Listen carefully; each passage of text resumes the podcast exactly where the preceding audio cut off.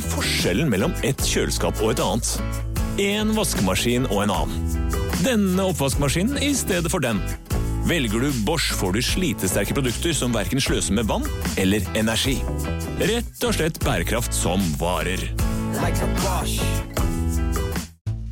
Vi i Rema 1000 kutter igjen prisene. Nå på en mengde påskefavoritter.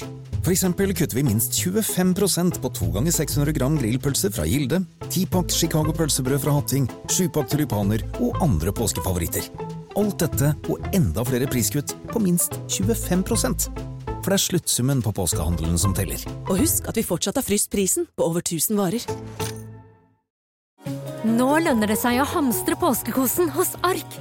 Ark inviterer nemlig til påskefest med skremmende bra nyheter, pocket fra 99 og 40% på alle spill og puslespill. Ark-påske betyr rett og slett mye påske for pengene.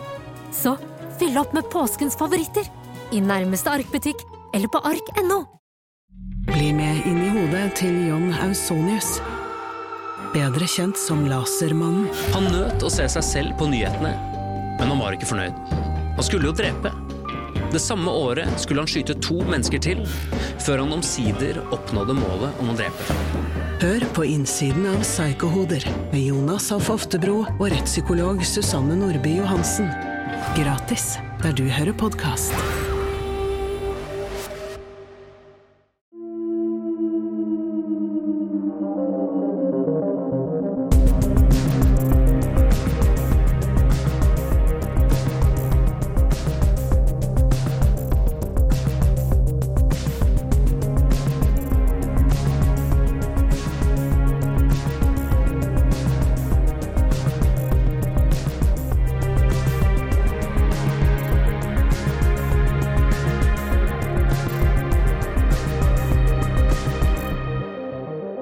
Noen uker siden, Helge, så hadde vi jo besøk av eh, Simon Heggström, den eh, svenske politimannen som jobbet med menneskehandel og prostitusjon, og vi fikk jo høre en del historier om eh, hvordan ting var i Stockholm.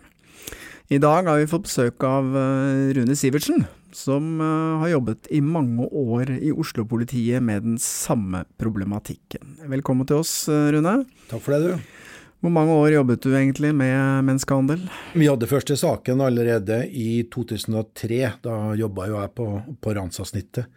Da var det ikke oppretta noen egen gruppe for de som jobba med menneskehandel. Så ble også den norske loven mot menneskehandel da. Den ble implementert i, i uh, norske lovverket i 2003. Og så gikk det noen år. Uh, så ble det oppretta en egen uh, gruppe som jobba med det i Oslo, som hadde da fokus kun på, på menneskehandel, som ble kalt for Stopp-prosjektet. Det var et prosjekt som varte fra 2007 til 2011. Ja, hvor utbredt er egentlig menneskehandel i Norge? Altså Hvis du går ut fra loven, lovens bokstav, så tror ikke jeg at menneskehandel er veldig omfattende. Men hvis du ser problemstillinga generelt, så omfatter det så mye, mye mer enn det å være utsatt for menneskehandel. Sånn generell utnyttelse. Noen velger å kalle det moderne slavehandel. Så, har, så, så, vil jeg påstå at det er et mye større problem som vil kreve mye fokus fra norske myndigheter og også politiet. Og Det kan være alt fra hallikvirksomhet, prostitusjon, som du nevnte her, men også utnyttelse i, i arbeid, kanskje organdonasjoner. Eh, hvis man ser dette i, i det store perspektivet, så, så, er det nok veldig omfattende. Jeg husker jo at for mange år siden jeg jobbet med en eh, bok, så snakket vi jo eh, jeg med deg om særlig én spesiell sak, og jeg husker jo at den saken gjorde veldig sånn dypt inntrykk på meg. Kan ikke du fortelle hva som skjedde, for dette var jo en ung jente som ble virkelig eh, utsatt for ganske grusomme ting? Ja da, eh, og den saken sitter jo eh, i ryggmargen min enda. Du blir prega av det, fordi det er ganske omfattende vold og utnyttelser som, som hun ble utsatt for. Det var ikke bare henne, det var en, en hel rekke med, med litauiske og russiske jenter som ble lurt, lokka til Norge. To av dem, bl.a. henne, da, fikk jo status som offer for menneskehandel etter hvert.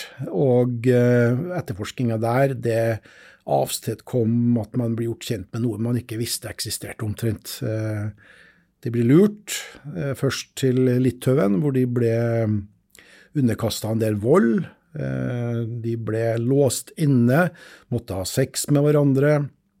De ble voldtatt etter hvert frakta over til Sverige og så til Norge, og så fortsatte jo utnyttelsen her i Norge over flere måneder, før hun, som vi snakka om, kom seg ut av det ved at ei venninne hjalp henne til politiet og fikk anmeldt forholdet. Og Det var en etterforskning som varte i flere år, hvis man tar med rettssakene. Uh, ja, det var i hele tatt en, en, en historie som i seg sjøl uh, kunne ha vært bokført som en spenningsroman. Ja, for jeg, jeg traff jo denne jenta, husker jeg, og uh, husker at hun uh, hun var jo veldig preget av det, og det var vel en uh, lang vei tilbake for henne. Du støttet jo henne veldig mye i den prosessen. Hvordan går det med henne i dag, forresten? Vet du det? Ja, ikke uten å gå i altfor mange detaljer, så er vel livet blitt en del annerledes. hun er i jobb i et norsk samfunn. Uh, Endra identitet osv. Så, videre. så det er jo en historie som eh, viser at noen få kommer seg ut av det. Men det er helt klart at når du har vært utsatt for eh, den type handlinger, så vil du aldri komme helt tilbake som en normal person. Det er helt umulig. Ja, for Hun var ikke så gammel heller. Hun kom vel fra Moskva, gjorde hun ikke det? Til, ble lurt derfra til Litauen, var det ikke så? Hun kom fra en uh, landsby i en landsby, Russland. Sånn var det, ja. Mm. Og via Moskva så kom hun etter hvert til Litauen, og så Norge. Hvordan levde hun i Norge da hun var eh, operativ som prostituert, eller hvordan var det? Nei, altså du har jo halliker da, som styrer eh, virksomheten, og i denne saken så ble det jo avdekka et ganske stort eh, nettverk. Det var to eh, brødre fra, fra, Georgia som var hovedpersoner, og de knytta til seg da etter hvert også en norsk person eh, som var telefondame, en norsk person som sto for en leilighet, eh, et par litauere som uh, hjalp til i, i bakgrunnen. Uh, og, og, da foregikk jo prostitusjonen ut ifra en konkret leilighet. Men det var jo ikke slik at disse ble fysisk lukka inne. Men når du blir bearbeida, hvis en skal bruke det ordet, da, i forkant, så blir du ganske viljeløs. Disse blir også etter hvert påtvunget narkotika. Slik at de var ganske viljeløse i den perioden de var i Norge. Den andre jenta kom jo seg tilbake til Litauen av egen maskin, men vi fikk jo tak i henne på et senere tidspunkt og fikk avhørt henne. Og hun ga jo en historie, hun også, som var omtrent like ille som eh, den russiske jenta. Men sånn i Norge, det norske markedet, sånn i leilighetsprostitusjonsmarkedet, hvordan får de tak i kundene sine? Ja, det er flere måter å gjøre det på. Det ene er at det kan gå på ryktebørsen, eh, for du vil jo alltid ha noen som kjenner noen, og så på den måten skaffe kunder. Men de aller fleste annonserer jo på forskjellige nettverk.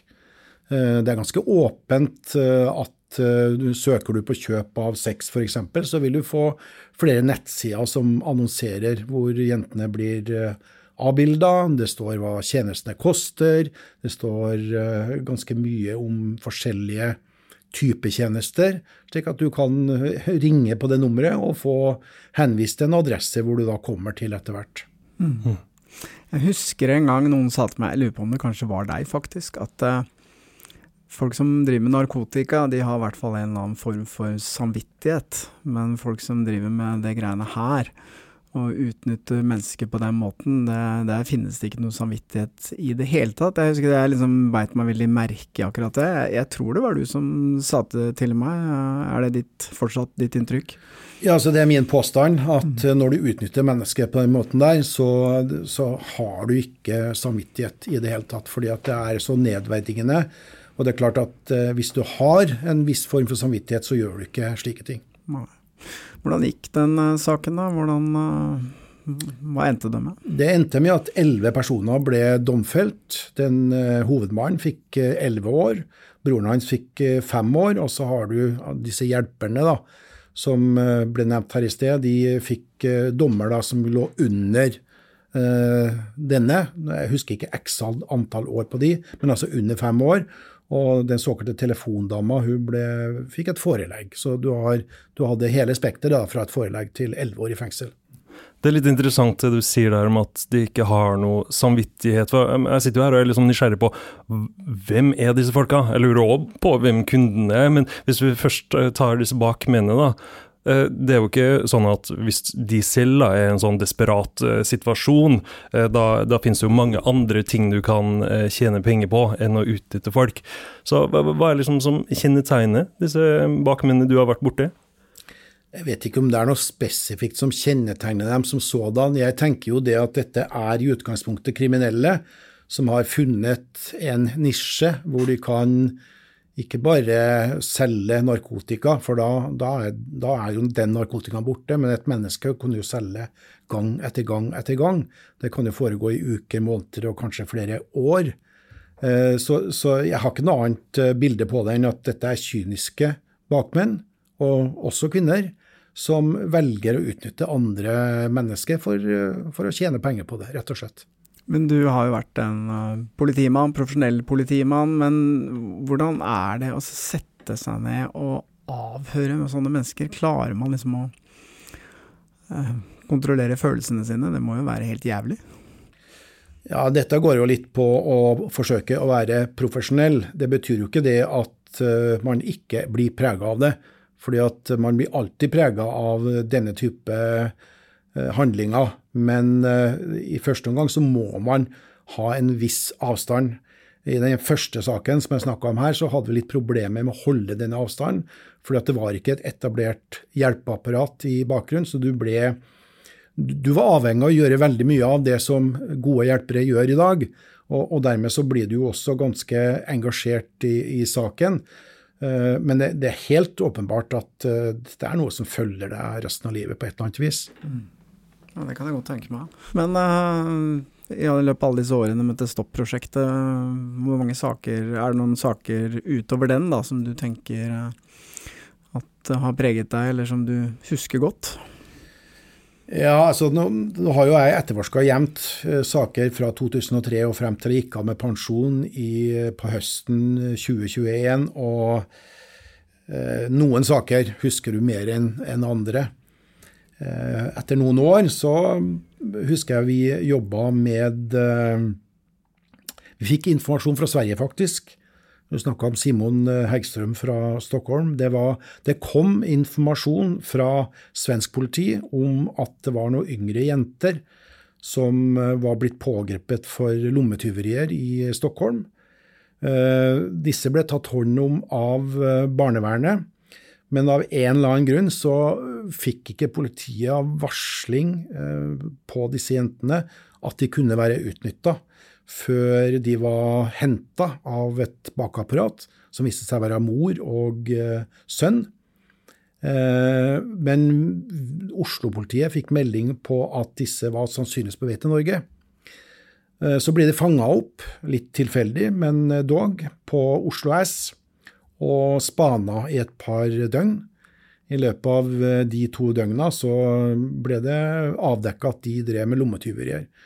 Så ble jentene pågrepet, hvis en skal bruke det uttrykket, eh, sammen med mora og sønnen. Eh, disse jentene var mindreårige. De framstod da som søstre i utgangspunktet, på 12 og 14 år. Så viste det seg da, etter hvert som etterforskninga skred frem, at eh, den ene jenta hadde falsk eh, identitet. Hun var eh, opprinnelig fra mm, Italia, hørte til et nettverk der og har drevet med det samme før. Og kjæreste da til den voksne sønnen til mor, som også da ble pågrepet. Eh, det tok en stund før vi avdekka den, eh, den, identiteten. Den andre jenta viste seg etter hvert, hun som var 14, var gravid. Og eh, begge da ble utnytta av de voksne til å stjele. Utbyttet gikk tilbake til de voksne. De beholdt ingenting av dette. Og så var jo problemet her at disse jentene ønsket jo ikke å samarbeide med politiet. og man vil jo i størst mulig grad ha frivillighet rundt det å avgi forklaringer. Ingen av de forklaringene disse jentene avga, det, de, de styrka saken, men det ble samla en del beviser eh, på ja, vanlig politivis. Spaning, telefonanalyser eh, osv. Og, så videre, og så ser man jo da at mønsteret er at det er de voksne som styrer virksomhetene, og jentene drar rundt og, og stjeler fra turister, bl.a., og så går utbyttet tilbake til de voksne. Eh, vi har en lov i Norge, barnevernslovens paragraf 429, som gir eh, mulighet for at jentene kan holdes tilbake med tvang. Og sett fra et politiståsted så er det helt nødvendig at disse blir holdt tilbake, iallfall til man ser om det er foreldre eller andre som utnytter dem. Disse jentene ble holdt på tvang i uh, seks måneder, som er liksom det lengste som muligheten. Etter hvert så gikk de over på en annen paragraf som gjorde at de fikk mer bevegelsesfrihet og kunne bevege seg litt utfor, utenfor uh, institusjon uten følge. Og det som skjedde der, det var jo det at begge rømte. Uh, vi hadde informasjon om at de kunne rømme, det var jo gitt til barnevernet, men det var likevel ikke noe hjemmel for å holde disse jentene tilbake. Men det betyr ikke at straffesaken som sådan eh, ble henlagt, fordi at eh, da hadde man samla så mye informasjon at det var mulig å fremstille og sikte, eller tiltale etter hvert, eh, de to voksne for menneskehandel. Begge ble dømt i, i tingretten, og begge de voksne valgte å godta dommen. Da hadde de sittet ganske lenge i varetekt, og Straffene var ikke all verden lange, men eh, da hadde de nesten sona ferdig straffa si i, i varetekt. Så de, de, satt kort tid, eh, og så ble de utvist fra Norge. Eh, det som var litt interessant underveis, jeg følte jo etter hvert at vi fikk god kontakt med hun ene jenta som, som da hadde oppgitt falsk personalia. Eh, så hun var nok på kanten til å gi en troverdig forklaring før hun stakk av. Men det som var litt spesielt i akkurat denne saken, det var jo det at det var en advokat som etter hvert ble sikta for å ha brutt taushetsplikt og, og satt sin klient, som da var den voksne eh, gutten, i kontakt med denne jenta eh, mens hun satt på institusjon og ikke skulle ha kontakt med de som var sikta i saken. Eh, det medførte jo at man eh, trengte en ny forklaring eh, fra denne jenta. Det var en utfordring. Hun ble internasjonalt etterlyst. Vi fikk etter hvert informasjon fra Roma, Italia, om at hun var kommet tilbake til familien. Da ble det jo skrevet en rettsanmodning til italiensk politi, og i løpet av ganske kort tid så var jeg på vei nedover til Roma. Idet jeg lander i Roma og får kontakt med en politimann som også hadde bidratt uh, i samme sak på et tidligere tidspunkt, så fikk jeg høre at hun var ikke hjemme lenger, hun var forsvunnet. Uh, denne rumenske politimannen han tok meg med til familien, og vi prata med hennes brødre ganske lenge. Mora var i fengsel, så hun kunne ikke bidra noe. Faren var ikke til stede, men ene broren han hadde da hørt rykter om at jenta syntes hun ble behandla veldig godt av eh, norsk politi. Eh, og eh, mens vi sto der, så ringte han til jenta og forklarte at Rune er her. Vi hadde med en tolk, da, så vi fikk oversatt noe over telefon. Og hun var villig til å prate med meg på telefon, og da fortalte jeg at hun, hun var lei av å drive og stjele hun syntes hun ble veldig godt eh, behandla i Norge, og hun var villig til å avgi en forklaring også mot denne advokaten. Eh, og da var det, var det jo å finne ut hvor er du nå, da? Nei, nå er jeg i Nederland. Eh, og da var det jo å melde det tilbake til Norge selvfølgelig så raskt som mulig. Det ble skrevet en ny rettsanmodning, reiste tilbake til Norge, og ikke lenge etter så var jeg på vei til Nederland. Der fikk vi kontakt med nederlandsk politi, selvfølgelig, som eh, egentlig er de som da styrer denne biten. Eh, de tok meg med til adressen hvor eh, jenta oppholdt seg. Og i løpet av ganske kort tid så avga hun en forklaring til nederlandsk politi, som da ble tatt på video selvfølgelig og sendt over til Norge. Og den informasjonen var såpass god at uh, statsadvokat eller påtaleansvarlig i Norge valgte å bruke den forklaringa i forhold til denne advokaten. Uh, og da ble det jo nødvendig med å fremstille henne over videolink til retten i Norge, og hvor hun da opprettholdt sin, uh, sin forklaring, som hadde avgitt da, overfor oss i, i Nederland. Og hun innleda vel med å si noe sånt som at uh, nå skal jeg fortelle sannheten, jeg vil ikke lyve for Rune lenger, som hun brukte uttrykket på. Akkurat.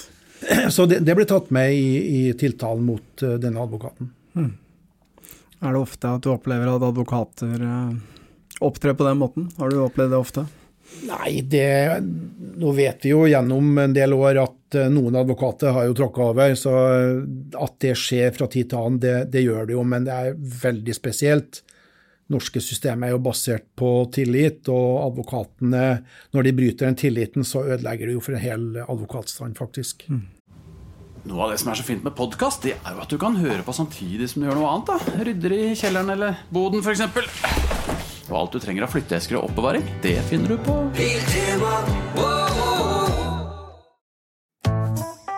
Har du et enkeltpersonforetak eller en liten bedrift?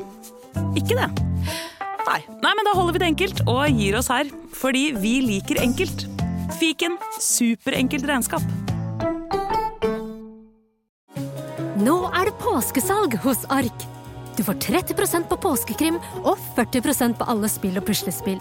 Jeg gjentar Ark har 30% på et stort utvalg krim og 40% på spill. Det er mye påske for pengene. Så hamstre påskekosen i nærmeste Ark-butikk eller på ark.no.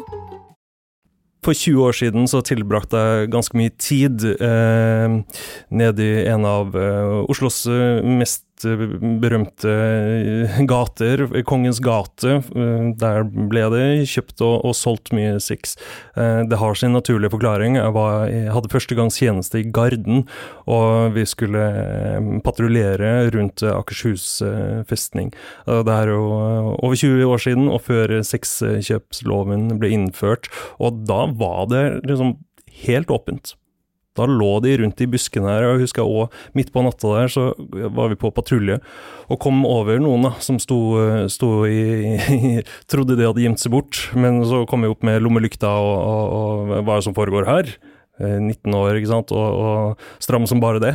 Og så første reaksjonen var sånn å nei, nei, nei, nei. Og så kom, tok han side, og, og så sier han ja, men det her er jo lov. Altså, ja, det er kanskje lov, men nå står du her med buksa ned på, på beina, liksom. Men, men det, det, kunne man gjøre på den tida, uten å bli dømt for det. Men hvordan var det egentlig før og etter uh, den uh, sexkjøpsloven ble innført? Sexkjøpsloven ble jo innført for å være forebyggende i forhold til bl.a. Uh, menneskehandel. Og den er også lagt opp slik at eh, det er lov å selge, men ikke lov å, å kjøpe. Det jeg vet i forhold til når sexkjøpsloven ble innført, det er at eh, den synlige gateprostitusjonen den forsvant nærmest over natta. Men så er det jo samtidig slik at eh, prioriteten hos politiet når det gjelder å håndheve sexkjøploven, den, den jo ikke, har jo ikke vært veldig høy. Eh, noen ble anmeldt eh, i løpet av de første par årene, kanskje 100-120 i året. Eh, men vi så jo det at i løpet av det første året så tok det seg det også Gateprostitusjon tok seg langsomt opp igjen. Og i løpet av to-tre år etter så, så, så, var det fremdeles synlig gateprostitusjon. Og det har vel litt med at oppdagelsesrisikoen ikke er all verden. Men eh, det, det, jeg vil si i den settinga der, det er at det har vært en utvikling i forhold til internett. Altså du får jo En ting er jo å være synlig på gata eh, som prostituert. Det, det har norske myndigheter sagt, det er, ikke, det er ikke noe ønskelig scenario for oss. Eh, men samtidig så er jo inneprostitusjon gjennom annonsering, den, den har jo tatt seg opp i løpet av denne tida. Og så lenge salg er lov, så betyr det jo at det alltid vil være noen som, eh, som kjøper. Eh, jeg er litt usikker på hvor sterkt medvirkende sexkjøpsloven er i forhold til menneskehandel generelt. Eh, samtidig så det en, har det nok en oppdragende effekt i forhold til at man vet at det er forbudt. Det blir nesten det samme som at ungdommer ikke skal kjøpe tobakk eller alkohol eller en del slike ting. Eller narkotika, for den del. Eh, men utviklinga i de senere årene er vel det at eh, gateprostitusjon har flytta seg inn. Eh, men det betyr ikke det at den er usynlig. Altså er, det er lett å, å, finne ut hvor det skjer. Og det jo, da må jo politiet på en måte rette fokuset mot innemarkedet. Og da er det jo annonsering og annonser som er på en måte måten man finner frem til de som prostituerer seg. Vi lagde jo en uh, podkastserie som vi kalte for Honningfella, som er publisert for ikke så lenge siden, hvor, uh, hvor menn ble lurt av kvinner, bl.a. på Tinder. Og da oppretta vi jo en Tinder-konto for å prøve å finne noen av disse, Helge. Vi var jo ganske aktive der en periode. Men det jeg la merke til, var jo at det var veldig mange jenter som, som bruker det som en sånn annonsering litt sånn du kan leie meg på den og de og de sidene. Og, og, det jeg liksom la merke til, var at de har liksom funnet en måte å omgå lovverket på, da, ved at eh, Nei, du skal ikke betale meg, men jeg setter pris på å få gaver og, og så videre og så videre. Eh, hvordan er det i forhold til menneskehandel og den jobben du har gjort? Eh, har du sett at det har vært en måte å skal jeg si for noe, omgå det lovverket på, da? Ja, jeg tror man skal være forsiktig med å sette likhetstegn mellom prostitusjon og menneskehandel. Menneskehandel er jo utnyttelse av verste sort. Eh, prostitusjon som sådan kan ramme alt ifra ren frivillighet til folk som blir utnytta. det er klart Innenfor prostitusjonsmiljøet så ser vi jo at det er også en del utnyttelser. Fremdeles så er det lov å annonsere. Eh, og det gjelder jo både den type annonseringer som du snakker om der, men også ren annonsering av åpen eh, sex. Eh, det er de som kjøper, som tar eh, risikoen. Den type annonseringer du snakker om der, det er vel slik at det er lettere å komme litt unna at jeg har ikke kjøpt sex. Jeg har hjulpet noen, jeg har betalt for selskapet. Bevisbyrden er, er, nok langt strengere, og jeg tror også det at det er færre straffesaker som retter seg inn mot den biten der. Altså I det øyeblikket du kjøper, så har du overtrådt eh, sexkjøpsloven. Men når du gir gaver eller eh, andre typer tjenester, så, så, tenker jeg at det kan være vanskelig å bevise at det har med sexkjøp å gjøre. Men vi må også huske på det at innafor eh, dette miljøet så er det mye annen type kriminalitet. Eh, alt ifra kunder som blir ranet av prostituerte eller deres hjelpere, men du har også kunder som velger å rane prostituerte. sånn at risikoen går jo egentlig begge veier, tenker jeg. Men det er nok et grått marked, uh, ut ifra det du nevner, som stort sett uforstyrra kan uh, vanke innafor det som kan kalles prostitusjon.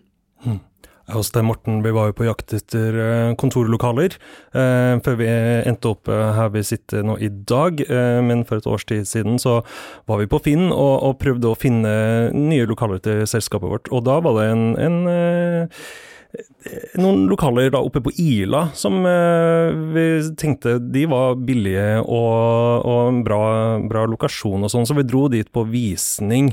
Eh, det var inn en, en port, inn i et eh, sånn, noen bakdører og, og inn i en helt vanlig oppgang. da. Og så ble vi sluppet inn, inn, i dette som viste seg å være en leilighet med ganske mange rom, og, og de hadde ikke rydda ut av disse rommene her heller. Det var bare masse madrasser og litt sånn diverse parykker og noen truser som lå der og slang og sånn. Og han, han som hadde oss på visning, han, han helt åpenbart at han ville endre litt sånn på på eh, de som var inne der. Han ville veldig gjerne at vi skulle signere der og da. Men, men det, det, var jo åpenbart et bordell. Ja.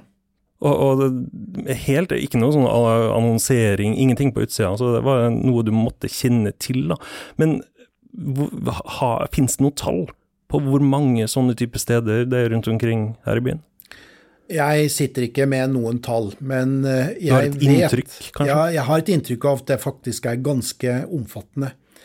Eh, massasjesalonger, de, der har man jo avdekka eh, gjennom flere år at det er ikke bare massasje.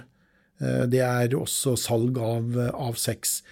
Eh, det er lett å eh, dekke seg bak eh, den biten der. Og så er det litt med kapasitet da, i forhold til hva politiet rekker over av eh, å kontrollere slike steder. Det kan være mange typer kontroller. Det kan være eh, rett og slett bare at man sjekker arbeidsvilkårene i forhold til de som jobber der. Men det kan også være ren mistanke ut fra meldinga om at det foregår eh, prostitusjon. Eh, Så har du disse leilighetene som leies ut for ganske så store summer, gjerne det dobbelte av det som er eh, markedet, hvor du har noen kyniske bakmenn som eh, leier leiligheter for store summer, og så plasserer de jenter inn fra andre land, bl.a. Ukraina, Russland, eh, Øst-Europa generelt. Eh, Hvordan man da jobber en stund inntil klagene begynner å komme, for det er jo gjerne naboer der som eh, observerer virksomheten. Og i det øyeblikket politiet begynner å snuse på det, så ser man opp og flytter, og, flytter virksomheten til noe annet. Eh, Jeg har igjen, som jeg sa tidligere, ikke tall på det, men at det er ganske omfattende. Eh, Kanskje 200-300 som selger sex i Oslo til enhver tid eh, på innemarkedet. Og så har du, så har du kanskje massasjesalongene i tillegg til det. Du nevnte Ukraina. Det er jo forferdelig krig i Ukraina. Det er mange som flykter, og mange som kommer til Norge også. Har du gjort deg noen tanker om at eh, disse jentene kanskje er ekstra sårbare nå i forhold til menneskehandel? Ja, altså Nå slutta jo jeg i november 2021, så den siste utviklinga internt i politiet den har jeg ikke. Men eh, politiet har jo gjennom mange år kjent til at det finnes nettverk i Russland og Ukraina som eh, eh, annonserer og får jenter fra Ukraina spesielt oppover til Skandinavia, hvor de går på rundgang i forskjellige leiligheter. Det annonseres på, på forskjellige nettsider. Eh, og så er det det å vite om dette kan være utnyttelse, eller om det er frivillig prostitusjon. Det vet man gjerne ikke før det er noen som kommer i en situasjon hvor de ønsker å melde fra, og det er ikke mange som gjør det. Man, altså Politiet må være der ute. Eh, Det jeg tenker om dagens eh, situasjon, det er at jeg er ikke så veldig redd for de som velger å registrere seg fra Ukraina. Eh, De kommer inn i et offentlig system, de har krav på asyl, de har krav på det mest nødvendige. Men jeg er bekymra for de som velger av en eller annen grunn til ikke å registrere seg i det norske systemet. Disse kan være lurt lokka på sedvanlig vis, mm, allerede fra kanskje når det passerer grensa i, i, mellom Polen, Ukraina eller andre eh, steder av hjelpere som eh, velger å plukke seg ut eh, mulige sårbare personer.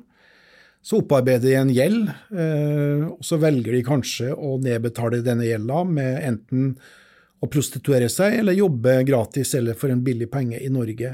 Jeg vil jo sterkt advare mot den type frivillighet. Eh, Men det er ikke alltid at eh, de som da kommer fra Ukraina, eh, skjønner akkurat den settinga der. Hvor stort antallet er, det syns jeg det er veldig vanskelig å mene noe rundt. Jeg vil tro at noe av dette vil bli avdekka i løpet av dette året, neste år. Men jeg tror at selve utnyttelsen antagelig, dessverre, må pågå en viss tid før noen til slutt fanger opp den informasjonen og kan gjøre noe med det. Har du et enkeltpersonforetak eller en liten bedrift? Da er du sikkert lei av å høre meg snakke om hvor enkelt det er å levere skattemeldingen med fiken, så vi eh, gir oss her.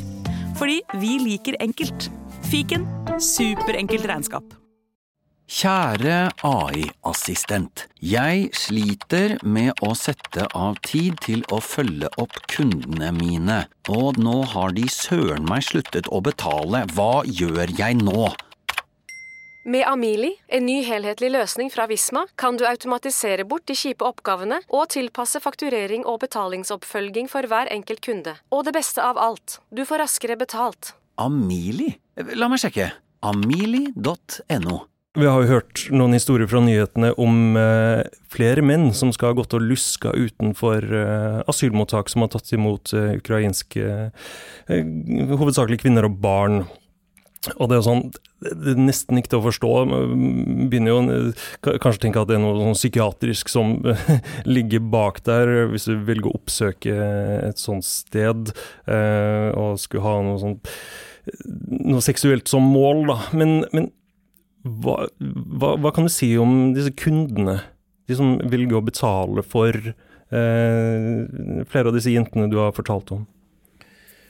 Sexkjøpskunder som sådan tror jeg er eh, en ganske vid kategori, i alt fra vanlige mennesker til folk som eh, ønsker å utnytte mennesker på det groveste. Så det er veldig vanskelig å sette en sexkjøpskunde inn i en egen kategori.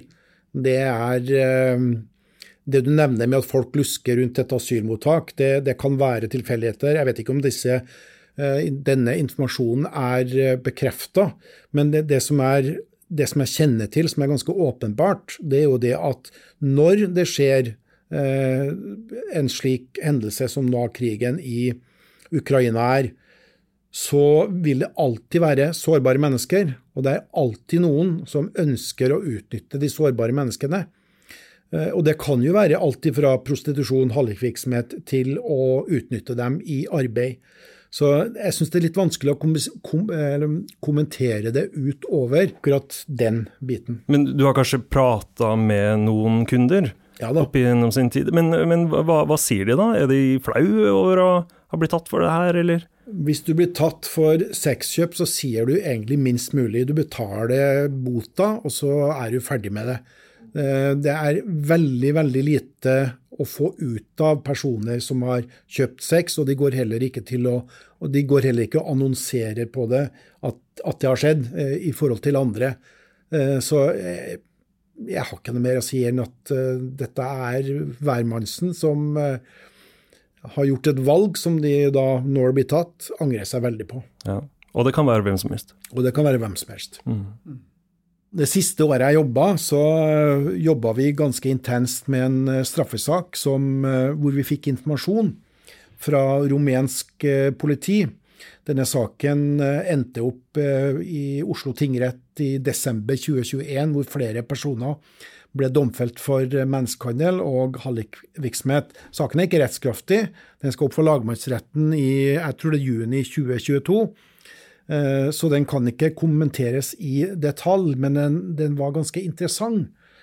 Og det var slik at eh, jeg tror det var i april 2020 eh, så kom det informasjon fra rumensk politi om ei navngitt rumensk ung jente, var akkurat fylt 18 år, Eh, som var i Norge og eh, ønsket seg ut av tvangsprostitusjon. Eh, hun hadde fått kontakt på internett med tanta si, som igjen hadde varsla faren, og de hadde også sendt en adresse. Slik at når vi tok en kontroll noe senere opp mot denne adressen, så fikk vi bekrefta at der var jenta. Der var kjæresten, altså personen som senere ble dømt for eh, menneskehandel, og der var også mor til denne kjæresten, sammen med sin kjæreste igjen. Eh, I første omgang så ble denne kjæresten eh, pågrepet. Jenta ble tatt med inn for et avhør, og hun ga en ganske omfattende, god forklaring om hva som hadde skjedd med henne. Og Da forklarte hun at hun har vært, blitt kjæreste med denne personen i ganske ung alder. Hun var rundt 16 år. Eh, det hun ikke visste, det var det at denne kjæresten eh, også var gift med en annen dame. Det er en kjennskap hun fikk etter hvert. Hun ble med frivillig til eh, Norge. Hun rømte hjemmefra. Dette kaller vi gjerne Lovenboy-metoden. Altså hun ble rett og slett lurt, lokka. Og så når hun kommer til Norge, så blir hun satt i en situasjon hvor hun blir tvunget til prostitusjon. Her ble det annonsert på et nettsted, og hun fikk ganske mange kunder. Hun var vel Ja, hun hadde akkurat vært tatt en abort.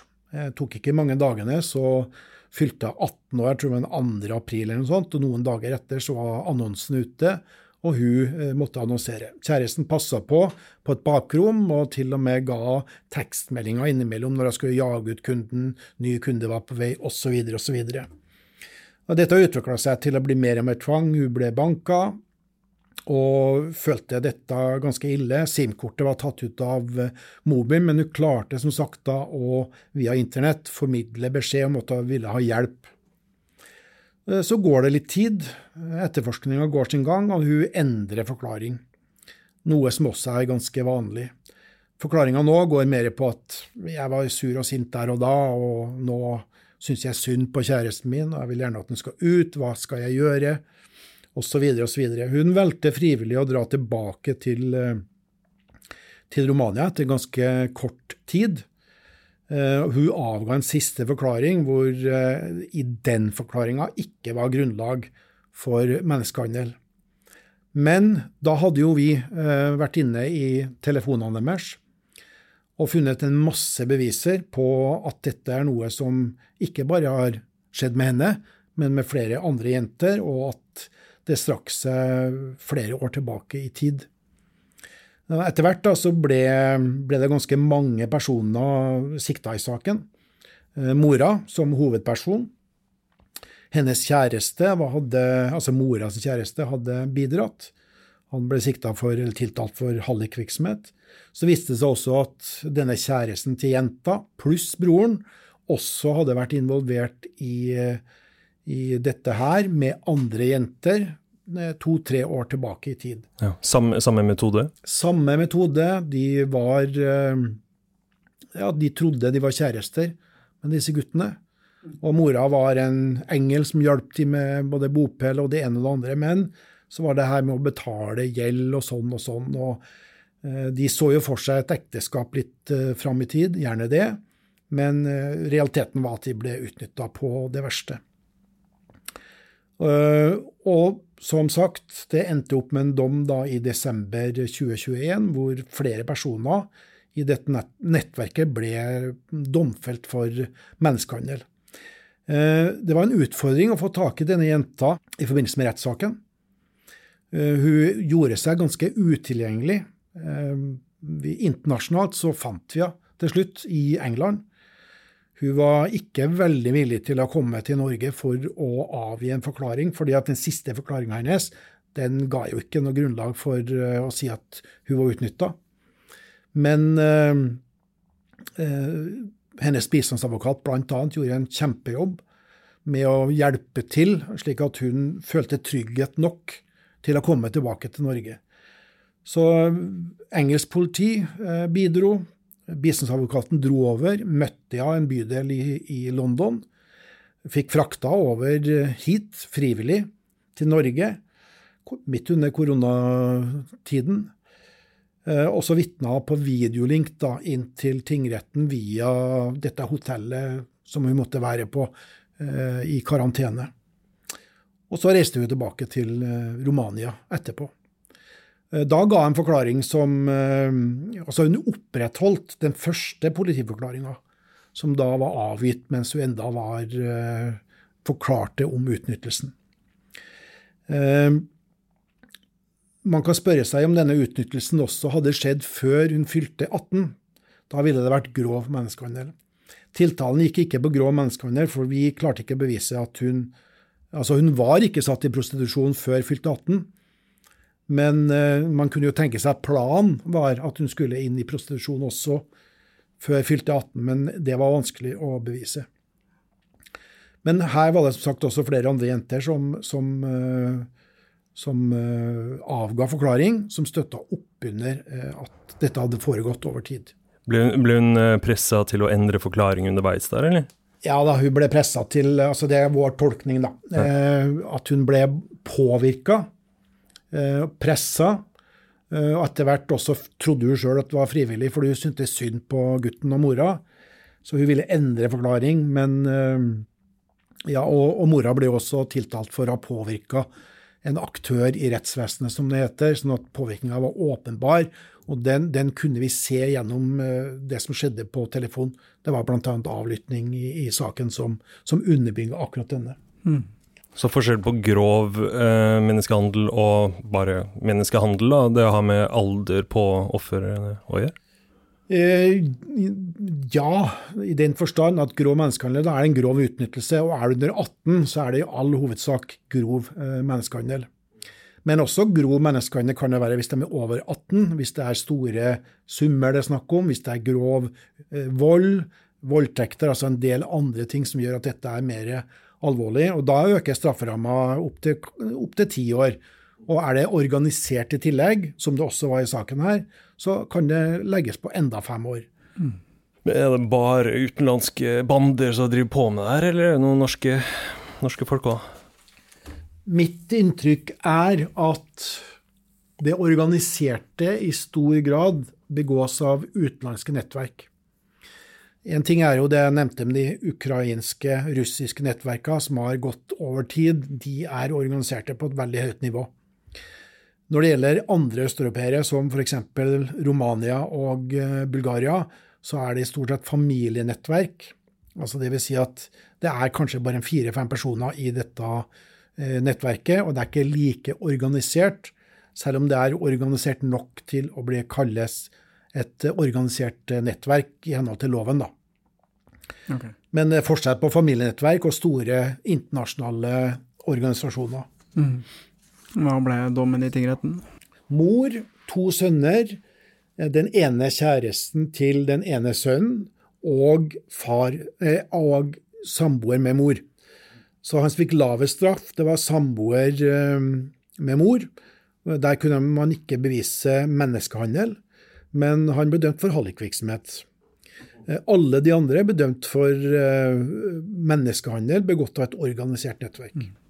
Det som slår meg litt, er at jeg syns jo personlig at straffene er altfor lave. Men uh, jeg tenker litt tilbake på hun russiske jenta som vi snakka om i stad, for jeg traff jo henne. og hun skrev jo ned historien sin og sendte det til meg, husker jeg. Og jeg husker jeg leste det, så ble jeg nesten kvalm. Sånn at uh, de straffene som de fikk for det, syns jeg egentlig var altfor lavt. De burde hatt mye høyere straffer. Det er i hvert fall min personlige mening.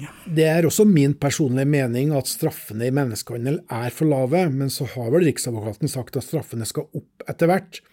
Og så er det jo litt slik da at uh, når man får nye domfellelser, så legger de seg stort sett på det som har vært vant fra tidligere. Sånn at en, en voldsom økning i straffer skjer nok ikke over natta. Det må skje uh, over tid.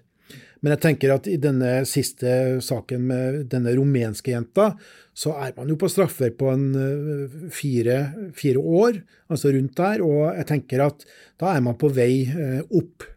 Men jeg tenker at i forhold til det de faktisk er utsatt for, og blir prega av, så tenker jeg at eh, dommene, eller straffene, er ganske lave fremdeles i Norge på menneskehandel. Tusen takk for at du kom til oss, Rune, og fortalte om uh, ja, Det er jo ikke lystige ting, men det er viktige ting. Uh, å vite hva som foregår der ute, og at mange av disse jentene blir utnytta på det groveste, og banka, slått og voldtatt før de blir satt i prostitusjon. Så jeg syns det er viktig å være klar over det. det. Det jeg vil si når det gjelder kunder som da leser på nettsider om salg av sex, og, og, ser gjerne det som ser ut som flotte jenter som gjør dette frivillig. Veldig ofte så er dette ikke frivillig. Eh, disse bildene de eh, lyver. Eh, hverdagen for ganske mange prostituerte den er ganske tøff. Og det er ikke sikkert engang at de får beholde litt eller noe av de pengene som tjener. De går til nettverk som står bak.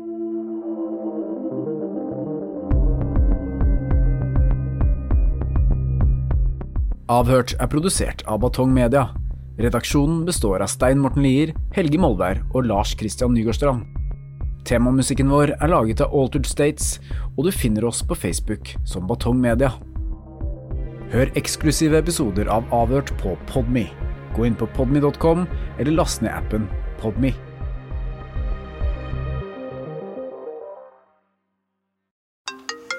Nei, men er det ikke selveste Larsen som ringer, da? Hvordan går det? Jo da, det kan ikke annet enn å klage, si. Ja, Hva er det du lurer på i dag, da? Nei, eh, eh, jeg bare tenkte på eh, Ja, hva tenkte du på? den fakturaen som har forfalt. Å ja, den ja. Å, å, jeg må rett og slett bare ha glemt den fakturaen. Skal Visste du at åtte av ti betaler etter første purring? Ikke vent for lenge. Med Amili, en ny løsning fra Visma, får du alt du trenger for raskere betaling. I én komplett løsning. Se hvordan på amili.no.